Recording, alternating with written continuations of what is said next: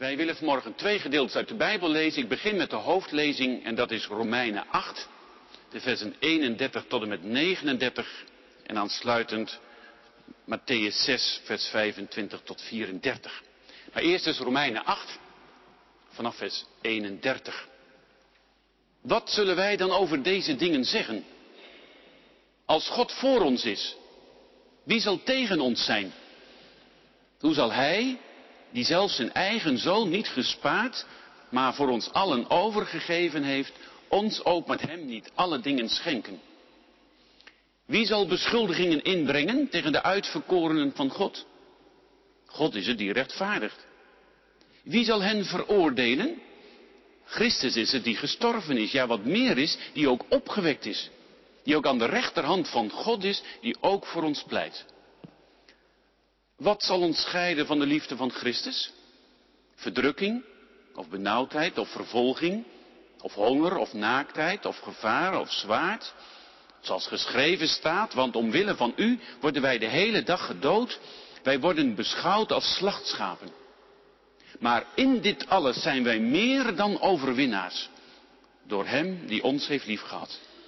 Want ik ben ervan overtuigd dat nog dood, nog leven, nog engelen, nog overheden, nog krachten, nog tegenwoordige, nog toekomstige dingen, nog hoogte, nog diepte, of wat er ook maar in de schepping is, ons zal kunnen scheiden van de liefde van God in Christus Jezus, onze Heer.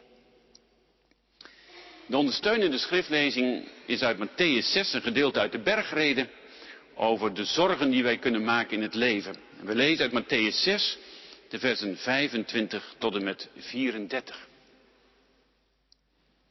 En dan zegt Jezus, daarom zeg ik u, wees niet bezorgd over uw leven, over wat u eten en wat u drinken zult, ook niet over uw lichaam, namelijk waarmee u zich kleden zult, is het leven niet meer dan het voedsel en het lichaam niet meer dan de kleding. Kijk naar de vogels in de lucht. Ze zaaien niet en maaien niet en verzamelen niet in schuren. Uw hemelse vader voedt ze evenwel. Gaat u ze niet ver te boven? Wie toch kan van u met bezorgdheid een L aan zijn lengte toevoegen? En wat bent u bezorgd over de kleding? Kijk naar de lelies in het veld, hoe ze groeien. Ze werken niet, ze spinnen niet. En ik zeg u dat zelfs Salomo in al zijn heerlijkheid niet gekleed ging als een van deze. Als God nu het gras op het veld, dat er vandaag is en morgen in, het, in de oven geworpen wordt, zo bekleed, zal Hij u niet veel meer kleden, kleingelovigen? Wees daarom niet bezorgd en zeg niet, wat zullen we eten? Of wat zullen we drinken? Of waarmee zullen we ons kleden? Want al deze dingen zoeken de heidenen. Uw hemelse vader weet immers dat u al deze dingen nodig hebt. Maar zoek eerst het koninkrijk van God en zijn gerechtigheid. En al deze dingen zullen u erbij gegeven worden. Wees dan niet bezorgd over de dag van morgen, want de dag van morgen zal voor zichzelf zorgen. Elke dag heeft genoeg aan zijn eigen kwaad. Tot zover de lezing uit de Bijbel. Wij willen vanmorgen dus stilstaan bij dat lied uit Romeinen 8. En ik onderstreep vers 37. Maar in dit alles zijn wij meer dan overwinnaars door Hem die ons heeft liefgehad. Gemeente van onze Heer Jezus Christus. Bastiaan Ari Barendrecht is een jonge jongen die in het verzet komt tijdens de Tweede Wereldoorlog. En al heel vroeg werd hij opgepakt, namelijk in de zomer van 1941. En het was al vrij snel duidelijk voor de bezetter, deze jongen verdient de doodstraf. En hij belandde in de dodencel in Rotterdam. En op 19 september 1941 werd hij gefusilleerd. Precies op de dag van zijn verjaardag. 22 jaar jong. En hij schreef een afscheidsbrief, groet, maar heel kort, aan zijn ouders. En dat wil ik voorlezen. Lieve vader en moeder, voordat u deze brief leest, moet u Romeinen 8, vers 31 tot en met 39 lezen. Als u deze brief leest, ben ik er niet meer. Maar u moet weten dat als ik tegen de muur sta, deze woorden van Paulus in mijn hart zullen leven. Ik dank u voor alles. En met deze aangrijpende uh, ja, brief heb ik meteen als het ware de diepte en de hoogte van Romeinen 8 willen neerzetten. Een hooggestemd lied in de nood van het leven. En als je het vluchtig leest, zou je misschien bijna denken, het gaat me net iets te gemakkelijk.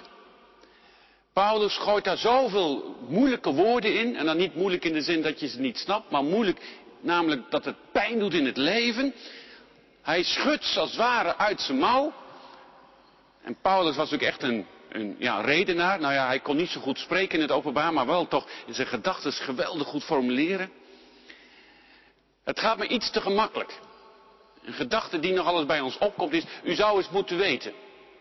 U weet maar een stukje van mijn leven. Dat zijn nog alles ja, van die zinnen die ik wel eens hoort in het pastoraat. U zou eens moeten weten. Want ieder mens draagt zijn eigen geheimen mee, zijn eigen pijn.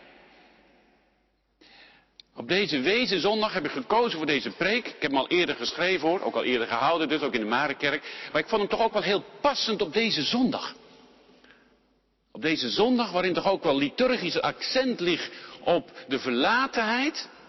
Heb ik juist gekozen, zeggen, nou dan, dan gaan we een bemoedigende preek houden. Waarin we ook mogen beleven, ontvangen, dat God erbij is. Ook op momenten daar we er zelf niet bij kunnen. Als ik denk aan vers 34, hè, Christus is het die gestorven is, ja wat meer is, die ook opgewekt is, die aan de rechterhand van God zit en voor ons pleit. Dat is ook wat we met hemelvaart hebben gevierd. Namelijk, geloven is geen verloren zaak, maar wij leven vanuit de overwinning. De liturgie is altijd de werkelijkheid een stap voor. En dat willen we vanmorgen ook beleven vanuit dit hooggestemde lied. De preek heb ik als volgt opgebouwd. Eerst wil ik eens kijken hoe Paulus, wat Paulus bedoelt met deze dingen in vers 31. Dan verwijst hij nu naar het voorgaande, dus daarmee zetten we de brief neer en ook de context. We hebben te maken met vervolgingen die al aankomen. Denk maar keizer Nero. Vervolgens willen we kijken hoe Paulus die vervolgingen dan omschrijft, welke woorden hij daarvoor gebruikt. En dan loopt dan uit op de kerntekst vers 37 dat niets ons kan scheiden van de liefde van God in Christus Jezus, onze Heer. En het thema wat ik erboven heb geschreven is hyperoverwinnaars. Dus ook geen gewoon Nederlands, ik weet het, maar vanuit het Grieks is dat een beetje een woordspelletje. Dat staat er eigenlijk, als je het heel letterlijk zou vertalen. Hyperoverwinnaars. Meer dan overwinnaars. Ook al hebben wij het leven niet gewonnen. Nou, denk maar aan het verhaaltje van Jaap en Marijn. Het lied dat Paulus hier schrijft, in Romeinen 8, begint met wat zullen wij dan over deze dingen zeggen? En dan weten we natuurlijk taalkundig deze, dan verwijst dat naar het voorgaande. Maar dit keer lijkt dat deze wel heel veel te zijn. De meeste uitleggers zeggen, hij verwijst hier naar Romeinen 3, vers 21 tot en met 8, vers 30. Dus al die, die vijf hoofdstukken bij elkaar, daar verwijst hij naar, als hij hier in vers 31 als het ware een soort adempauze inlas, maar dan ook wel hooggestemd. Namelijk, Paulus heeft zijn brief geschreven aan een gemeente die hij nog niet kent. Is best wel bijzonder. De andere brieven die zijn natuurlijk gericht aan gemeentes waar hij hoort dat er zorgen zijn. Maar dit is een gemeente waar hij graag naartoe wil.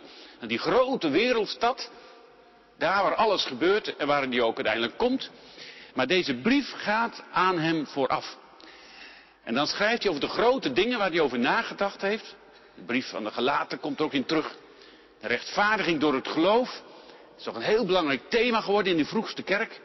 Hoe zit het dan nou met de wet en met geloven? En hoe verhouden die twee zich dan?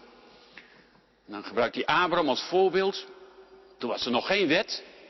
En toch stelde hij zijn vertrouwen op God. En dat was voor God genoeg. Dat was zelfs de grond van dat hij geaccepteerd werd door God. Vervolgens gaat hij nadenken over het hele menselijk geslacht. De eerste Adam, de tweede Adam, Jezus. Daar waar het leven niet begint, maar werkelijk zijn, zijn, zijn, ja, zijn overwinning vindt. In Jezus Christus. En dan komt als het ware ook een soort tegenvraag. Ja, Paulus, je, je kunt daar wel heel geweldig spreken over de kracht van het geloof, maar waar is die wet dan? Wordt het niet een wetteloze toestand? Nou, zegt Paulus hier, de wet is wel heilig en rechtvaardig en goed. In de gelaten brief zegt hij dat niet, hè? Dus hij is er later ook weer verder over nagedenken. Maar het probleem zit in de mens. Ik, ellendig mens. Wie zal mij verlossen uit het lichaam des doods? En dan komen we uiteindelijk in hoofdstuk 8. En dan is het de geest. Dat is ook een heel belangrijk thema bij hem. Natuurlijk de geest die ons de weg wijst. En daarin kan zeker ook de wet een rol spelen. Maar de wet kan nooit de grond zijn, de toegangspoort. De toegangspoort is Jezus Christus. Ook al leven wij door de geest, zegt hij dan in hoofdstuk 8, dan nog ervaren wij het zuchten van het bestaan. De schepping is aan de zinloosheid onderworpen. Zo zinvol is het niet wat wij allemaal ondernemen, ook al lijkt het heel wat hier in het Westen, denk ik dan. Maar uiteindelijk vinden we de zin in God. En dat God dus ook betekenis geeft aan ons leven. En als hij dat allemaal heeft uitverteld en uitvergroot en gedeeld, dan houdt u eens een adem in. Misschien wel een soort verlegenheid van, dit is wat, wat ik hier mag opschrijven. Wat een geweldige liefde die in Christus Jezus tot ons komt. En nu gaat hij het samenvatten. En hij vat het samen met de woorden God voor ons. Vers 31. En hij doet dat door middel van een retorische vraag. Als God voor ons is, nou dat is inmiddels wel duidelijk geworden naar de voorgaande hoofdstukken. Wie zal dan tegen ons zijn? Of wat zal dan tegen ons zijn? En daar gaat het lied dus over. Wie en wat kan ervoor zorgen dat wij bij die liefde van God weggehaald worden? Is u opgevallen dat in het eerste deel van dit lied er zoveel retorische vragen worden gesteld? Het zijn eigenlijk bekende vragen. En ook de antwoorden zijn, denk ik, toch wel bekend. Paulus valt hier in herhaling. En wij Westelingen houden daar niet zo van, hè? althans bij ons in Leiden niet, en dat zal in Utrecht niet anders zijn. Je moet het kort en bondig zeggen, want als ik het weet, dan weet ik het. Maar dat is geen Joodse manier van denken. Namelijk, ook het Nieuwe Testament is oer-Jood, zou ik willen zeggen. Daar hoort de herhaling bij als een heerlijke uitroepsteken achter die dingen die zo belangrijk zijn. Het is de heerlijke herhaling van de lofprijzing. We zingen het uit dwars tegen de rauwe werkelijkheid van het leven in. God is voor ons. Dat weet ik al, verstandelijk. Maar vaak zit het een voet te hoog, zei men vroeger. Hè? Vanuit die bevindelijke traditie. Het moet afdalen, tot in je hart. En dan heb je het loflied weer nodig. En ook de klaagliederen. We hebben de liederen weer nodig om telkens weer opnieuw bij dat geheim te komen. En dat proef ik ook hier in Romeinen 8. God is voor ons. En dat is wel duidelijk geworden, namelijk in die ongekende, opofferende liefde in Christus Jezus. En dat hij dat heeft gezegd, dan zegt hij ook, niets kan ons scheiden dus. Alles werkt ten goede. Zonder dat helemaal te pakken te krijgen met uw verstand natuurlijk, zo bedoel ik dat niet. Maar veel meer als een geloofsuitspraak. En dan stelt hij drie vragen. Drie vragen die je met of zonder Christus totaal anders zult beantwoorden. Vers 33. Wie zal Gods uitverkorenen aanklagen? Vers 34. Wie zal hen veroordelen? En vers 35. Wat zal ons scheiden van de liefde van Christus? Als we deze drie vragen, die natuurlijk ook overlappend zijn, dat is duidelijk, willen beantwoorden zonder Jezus Christus, dan krijg je dus een totaal ander antwoord dan wanneer je ze beantwoordt in Jezus Christus. Zonder zou je zeggen, wie zal Gods uitverkorenen aanklagen? Nou, dat is wel duidelijk. Er is alle reden dat wij aangeklaagd worden. Dat we veroordeeld worden. Niet alleen Satan, maar ook de ander en ook onszelf. Wij zullen onszelf moeten aanklagen. En wat zal ons dan scheiden van de liefde van Christus? Nou, als Christus geen rol speelt, wordt ook wel een beetje moeilijk om die vraag dan te beantwoorden. Maar ik zou bijna willen zeggen, als we het alleen moeten hebben van het leven, hier en nu, wat hou je dan over? Dan word je toch overgeleverd aan het niets van het nihilisme, zou ik willen zeggen. Dan moet je ook inderdaad alles eruit halen wat erin zit. Dan is het leven als een sinaasappel en die laatste druppel moet eruit. En als die eruit is, nou ja, dan, dan is het ook mooi geweest. Maar is dat zo, hè? Ik geloof het niet, hè? Ook in, in persoonlijke gesprekken die ik voer met mensen, dan geloof ik het niet. Maar dat is wel de, de, kilte van het leven waarin wij leven. Dat is de cultuur. Maar wij mogen als gemeente van Jezus Christus vanmorgen deze drie vragen beantwoorden in Christus Jezus. En wat krijg je dan een geweldig vergezicht. Wie zal Gods uitverkorenen aanklagen? Wie zal hen veroordelen? Dat kan dus niet meer. Maar je bent verzegeld. Je, bent, je bent echt apart gezet. Zonder dat je dat snapt of kunt bevatten. Maar in Jezus Christus ben ik weer als goed voor God. Een rechtvaardige. En zal dus het oordeel niet op, meer op mij rusten. En wat betreft die laatste vraag, wat zal ons scheiden van de liefde van Christus? Daar gaat Paulus dan verder mee. Dus er zit een hele mooie opbouw in dit lied. Hoe zit dat dan? En voordat ik met die vraag wil luisteren naar Paulus, welk antwoord hij geeft, wil ik ook eerst die vraag aan u stellen. Wat zal ons scheiden van de liefde van Christus? Met andere woorden, hoe ervaart u het leven? En wat zorgt ervoor dat er telkens weer een weg komt tussen u en de Heer Jezus? Wat brengt er nu in ons leven dat wij zo vaak zoveel afstand ervaren tussen Jezus en ons persoonlijk leven? Nou, ga daar eens over nadenken. Neem ik een slokje water. Kunt u over nadenken.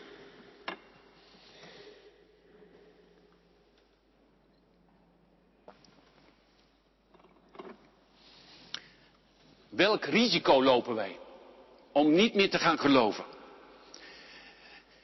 Ik heb thuis ook wat zitten nadenken over deze vraag. En misschien dat mijn antwoorden, dat dat uw antwoord is. En zo niet, dan mag het ook, want uw antwoord is uw antwoord. Dus die laat ik helemaal staan. Maar als ik kijk in mijn eigen context, hier in Leiden dus, dan denk ik, wat nog alles een weg eh, drijft tussen God en ons leven, is het vooral ons drukke leven. We zijn zo druk dat we zo weinig tijd overhouden over de echt, voor de echte dingen van het leven. We rennen door het bestaan. Maar rust vinden we niet. Zelfs op zondag zit er alweer een agenda in ons kopje wat er niet aankomende week allemaal, of deze week, de nog is de eerste dag, wat deze week wel niet allemaal moet. En ik heb er soms ook last van, zal ik heel eerlijk zijn. Dus de drukte van het leven. Het andere kan ook zijn, mijn twijfels. Wij zijn kinderen van na de verlichting. En wij hebben onze eigen vragen. En heel dat verlichtingsdenken, in wat voor vorm dan ook, dat, dat bombardeert toch ons altijd weer op, op die vragen van, ja, maar is het wel echt? Of is het toch maar, ja, alles binnenwereldlijk en hebben we het zelf bedacht? De projectietheorie, die, die, die verslaat zijn duizenden. Twijfels die altijd weer de kop opsteken. Ik denk ook wel dat een, een, christen hier in het Westen kan ook niet leven zonder twijfels, denk ik hoor. Ik heb er zelfs ook wel last van, zeker weten. Kleingeloof, is dat het niet wat steeds weer tussen God en mij instaat? Of is het mijn lauwheid? Dat ik eigenlijk toch liever mijn verlangen meer doorvertaal naar het gewone leven. Ik net zo werelds ben als ieder ander. En dat ik ook meer wil. En dat kan van alles zijn, afhankelijk waar, waar uw hart ligt, waar uw verlangen ligt. Maar dat, dat, dat ellendige woordje meer in de zin van bezit of meer geluk of meer vakantie of nou ja, noemt u maar op. En dat staat steeds weer tussen mij en God in. Het kan ook zo zijn, dat is mijn vierde antwoord, dat het de zorgen zijn. De zorgen die, die het leven mij geven. Dat kan, dat kan zijn medische zorgen, psychische zorgen, misschien ook zelfs financiële zorgen, dat kan allemaal. Zorgen waar ik zo mee top, dat ik nauwelijks bid, of dat mijn bidden meer tobben is. En dan zegt de Heer Jezus, pas nou op met die bezorgdheid. Weet toch dat wie bezorgdheid zaait, zal angst oosten. En wat leven er veel angstige mensen. Ook hier in het vrije Nederland. Wat leeft er niet allemaal in ons hart aan angst? Vaak ver weggestopt. Maar het kan er soms ook op een agressieve manier uitkomen. Of naar onszelf gekeerd. En zo heb ik zomaar een paar antwoorden bedacht. En u mag uw eigen antwoord eh, gewoon tussen zetten, naast zetten. Want dat is wat ons bezighoudt. Wat zal ons scheiden van de liefde van Christus? Misschien wel de zorg van, zal er nog geloof zijn als Jezus terugkomt? Nou, met dit in ons achterhoofd, en nogmaals, dat zijn hele wezenlijke dingen, gaan we nu kijken wat Paulus zegt. Wat kan ons nog scheiden? Wat, wat zijn nou de, de gevaren waardoor je minder gaat geloven of zelfs het geloof loslaat? En dan noemt hij verdrukking, benauwdheid, vervolging, honger, naaktheid. Waarschijnlijk bedoelt hij daarmee gebrek warme kleding, gevaar en zwaard. Nou, de eerste drie en de laatste, dat zijn gevaren van buitenaf. Ze worden veroorzaakt door de samenleving, later zelfs door de Romeinse overheid, en het gaat van kwaad tot erger. Je wordt eerst verdrukt, je wordt niet getolereerd, vervolgens wordt die druk opgevoerd, je voelt je in het nauw gezet, benauwdheid, en uiteindelijk kan er ook vervolging door het zwaard komen. Dus dat, je, dat er doden vallen. Honger en naaktheid, dat zijn de, is de, de context, de omstandigheden waarbinnen je mens bent en waarbinnen je dus ook het leven als moeilijk ervaart. En het gevaar, ja, dat is een algemeen begrip. Dat kan vooral van buitenaf als omstandigheden. En als het dan gaat om dat zwaard, dan zie je dat Paulus als het ware trapsgewijs, dat zie je natuurlijk vaak doen omdat hij redeneert, citeert hij Psalm 44.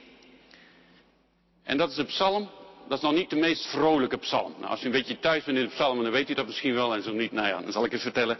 Psalm 44, dat, dat is een klaaglied. Ik wil een stukje het voorlezen. Maar om u worden wij de hele dag gedood. Wij worden beschouwd als slachtschapen. Word wakker. Waarom zou u slapen, heren? Ontwaak. Verstoot ons niet voor altijd. Waarom zou u uw aangezicht verbergen, onze ellende en onze verdrukking vergeten? Dus in Psalm 44 wordt geklaagd. Dat vind ik het geweldige van het psalmenboek. Hè? Daar, daar kom je zulke diepe tonen tegen. En hier, hier, hier staat dat God dus slaapt. Dat is heel anders dan 121, waar staat dat God nooit slaapt, zelfs niet sluimert. Maar goed, dat zijn natuurlijk de ervaringen. En die mag je laten staan. En wat doet Paulus nu? Paulus citeert een klaaglied in zijn overwinningslied. Met andere woorden, hij geeft antwoord op de klacht van Psalm 44. En het antwoord is Jezus. En dat vind ik wel heel bijzonder. In de klacht vind je het antwoord in Jezus. Hij is bij uitstek dat slachtschaap. En zo vindt Paulus antwoord, antwoorden, als je ze doorvertaalt, ook als verklaar. Maar ja, toen dacht ik, ja, dat is misschien ook wel een beetje te makkelijk geformuleerd. Jezus is het antwoord. Nou, u kent vast wel natuurlijk dat er ooit in Amerika zo'n groot billboard stond en Jesus is the answer. En dat iemand eronder had geschreven, what's the question? En terecht. Want wat is dat toch een goedkope missionaire actie om ergens op een groot bord neer te zetten, Jezus is het antwoord. Want wat is dan de vraag? En dat is inderdaad de vraag. Als wij met anderen spreken over het leven, dan kan het zo goedkoop overkomen om als het ware zomaar uit de mouw, en die van mij is heel groot vanmorgen, even te zeggen, Jezus is het antwoord. Dat is te goedkoop. Dan heb je de anderen niet serieus genomen. Je hebt de vraag niet gehoord. En dat is ook de pijn van ons westerse leven. De jachtigheid. We hebben niet de tijd en de rust in ons hoofd om die ander te ontmoeten. Op mijn bureau ligt nu het boek van Thomas Halik, Raak de wonden aan. Ik ben al op bladzijde 1, dus ik moet al beginnen. Maar ik heb echt zin om dit boek te gaan lezen. En die, die ageert daar ook tegen. Wil je de ander serieus nemen, dan luister je naar de vragen. En kom je niet met een antwoord voordat je de vraag hebt gehoord. Maar tegelijk geloof ik ook echt dat Jezus het antwoord is. En dan ook wel zo diep en zo breed. Maar daar moet je ook weer niet te makkelijk mee strooien.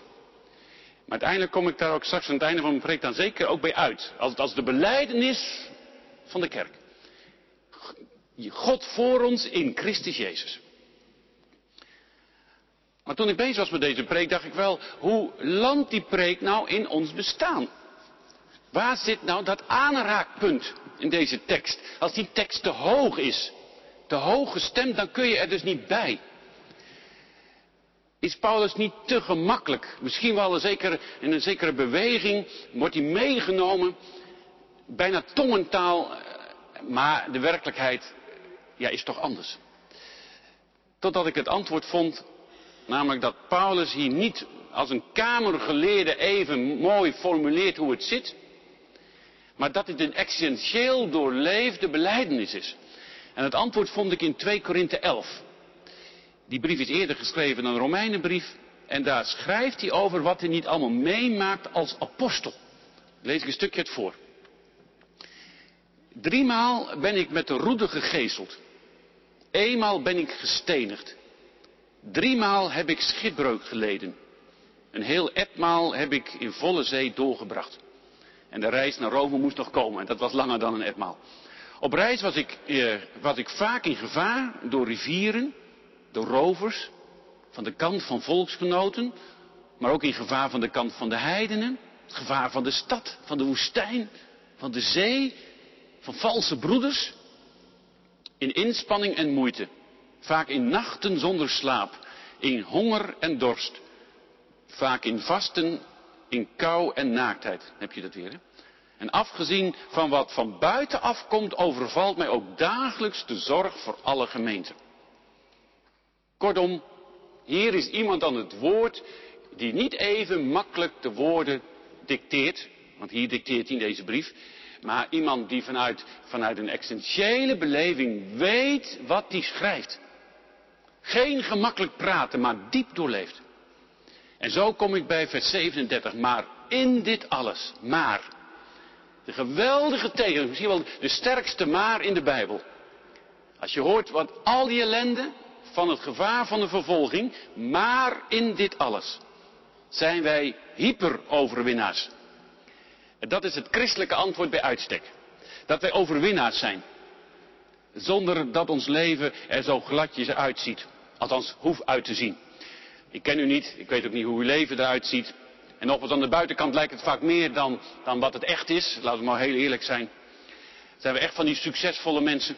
Nou, ik gun ieder een goed leven hoor. Dat, zo bedoel ik het niet. Maar de werkelijkheid is vaak anders. Maar dat wij hier samen vieren, dat wij overwinnaars zijn, dat is alleen maar in Christus Jezus. En daar is Paulus van overtuigd geraakt. Hè? Ik ben overtuigd. Ik ben er ja, door de liefde van overtuigd geraakt. En dan herhaalt hij nog een keer. Nog een keer een herhaling in de herhaling. En nu de laatste verse doet hij het algemener. Dood en leven, engelen, overheden, krachten, tegenwoordige dingen, toekomstige dingen, hoogte en diepte. Dus nu zijn niet zo specifiek de, de, de vervolgingen die hij noemt, maar ook gewoon het leven van alle dag. Dat de dood een bedreigende factor is, dat weten we allemaal. Ook al komen we niet zo vaak op een begraafplaats of in een rouwdienst. Ik als predikant natuurlijk wel. En dat raakt. Iedere keer weer. En hoe vaak ik ook niet denk als ik achter de kist loop. Wanneer zal ik uitgedragen worden? En dat bedoel ik niet vanuit een doemdenken, maar toch wel, dat, dat raakt me wel. Ik ben ook een keer aan de beurt, daar ga ik toch wel vanuit. Of Jezus moet eerder terugkomen. Maar ook dan moet ik voor God verschijnen. De dood als een bedreigend en soms ook een zo diep ingrijpende uh, ja, iets in het leven dat je daar bang voor kunt zijn. Het is wel onze laatste vijand. Ook al is de angel eruit, hè. Ik zal er maar niet mee spotten. Maar ook het leven kan bedreigend zijn. In al zijn facetten. Je kunt moe zijn. Het leven kan je vermoeien. Te neergeslagen, opgebrand. Er zijn zoveel dingen in het leven waardoor je denkt, er komt weer een week, er komt weer een dag. Misschien wordt het wel de grootste uh, risico van de westerse samenleving. Hè? Niet meer de, de, de kwalen van, van, van het hart of uh, tumoren in het lichaam, maar de psyche die het niet aan kan. Omdat we zoveel van onszelf vragen. Het leven. Vervolgens noemt hij hier de engelen, de overheden en de krachten. Waarschijnlijk bedoelt hij hiermee de geestelijke machten want engelen kom je natuurlijk tegen in de Bijbel, maar ook binnen eh, de godenwereld van de Romeins-Griekse cultuur. Dan zijn er de boodschappers van God. En als je kijkt bijvoorbeeld naar de Colossensebrief, heeft het te maken waarschijnlijk met de grotere machten die, die het ook op ons voorzien hebben, de demonische machten. Hoe dan ook, er is meer dan wat wij kunnen zien. En tot slot noemt hij dan ook hoogte en diepte. En volgens mij bedoelt hij dat in figuurlijke zin. Kijk, als het gaat om de afstand in, uh, in de horizontale lijn, is dat niet gevaarlijk. Het is wel vermoeiend, maar of ik nou van links naar rechts ga, dat, dat is niet risicovol. Maar van boven naar beneden wel. Want hoogteverschil, dat is gevaarlijk. Als je van de hoogte valt of in de diepte valt, dan kan dat dodelijk zijn. En volgens mij bedoelt hij dat figuurlijk hier. Het leven met zijn hoogtes en zijn dieptes. Maar oh, wat kan dat met ons doen? Hoe dan ook, wat zijn er veel risico's en gevaren. En toch, zegt Paulus, toch ben ik ervan overtuigd. En mijn kernvraag aan u vanmorgen is dus, zegt u Paulus na? Zingt u dit lied met hem mee? Of zegt u, ja, maar dat gaat niet lukken. Het lied is me te hoog en het is me te diep. En ik kom er juist niet in voor. Het is te hoog omdat mijn geloof dat niet kan, kan pakken. En het is ook te diep, want ja, ik ben geen martelaar. Moet je ook niet adoreren hoor. Dat moet je niet doen. Dat lijkt me ook niet bijbels. Maar ja, als ik kijk naar mijn eigen leven. Ja, wat stelt het dan eigenlijk voor? Dan is meer gewoon dat, dat klein menselijk gebeuren en dat klein, ja, dat klein geloof van me met die ellendige twijfel soms. Hoe kan ik dan met, met dat minimale geloof van mij iets met dit lied aan? Want het is me te diep en te hoog. Het kan ook zo zijn dat u zegt, ja ho, maar u hebt nog een vraag overgeslagen. Namelijk, is dit lied wel voor mij bestemd? Want die staat nog wel even, het is een lied hè, voor de uitverkorenen van God. En als u een ultra achtergrond hebt, dan, eh, nou ik heb te vele bij ons in Leiden, dan resoneert mee hè, tot, tot, tot diep in de tachtig zou ik willen zeggen. En als dat woord valt, dan, dan, dan blokkeert een deel van mijn gemeente. En dan te bedenken dat het een heel mooi woord is. Ook al moet je er nadien niet in redeneren hoor, want dan loop je ook vast. Maar het is gewoon een synoniem van de gemeente hoor. Als Paulus het heeft over de uitverkoren, heeft het gewoon over de gemeente. Dus daar moet je mee oppassen om dat ook vanuit Dort helemaal vast te leggen. Al heeft Dort best wel ruimte hoor, daar gaat het niet om. Nou, laat ik helemaal rusten. Maar het is dus een lied voor de gemeente. En voor iedereen die erbij wil. Of u gast bent vanmorgen, of dat u hier iedere week zit. Dit is een woord voor u.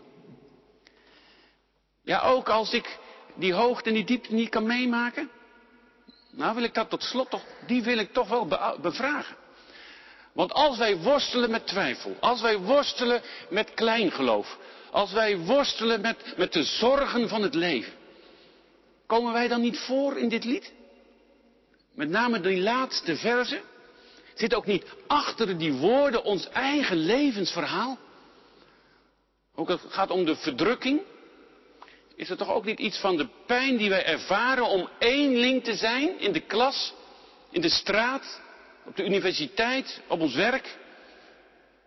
De enige die gelooft, of misschien nog een enkeling erbij. Ik weet niet hoe u dat ervaart, maar ik ervaar dat als pijnlijk. Ik ervaar het iedere keer weer als pijn als ik op zondagmorgen op een fiets spring en naar de Marenkerk fiets.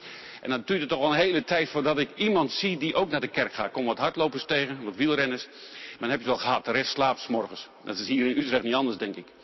En het gaat niet om dat ik ze veroordeel. Maar dat ik denk, ah, jullie kennen Jezus dus niet. Jullie staan er heel ver vandaan. Dus de pijn van een enkeling te zijn die nog gelooft. Dat is het eerste. En dan als het gaat om, om wat het leven met ons doet, hè, hoogte en diepte. Ik zei al, volgens mij bedoelt Paulus het figuurlijk. Dat, dat de lat te hoog ligt. Dat de prestatiedrang te veel van ons vraagt. Zit dat ook niet achter de, de worsteling van ons geloofsleven? Of de diepte? Misschien wel de diepte van onze ziel. De schachten waar een mens in kan vallen. En zeg niet te snel, ja daar heb ik gelast van, dat zal, dat zal mij niet overkomen. Ik ben een heel stabiel, evenwichtig mens. Ja, totdat je aan de beurt bent.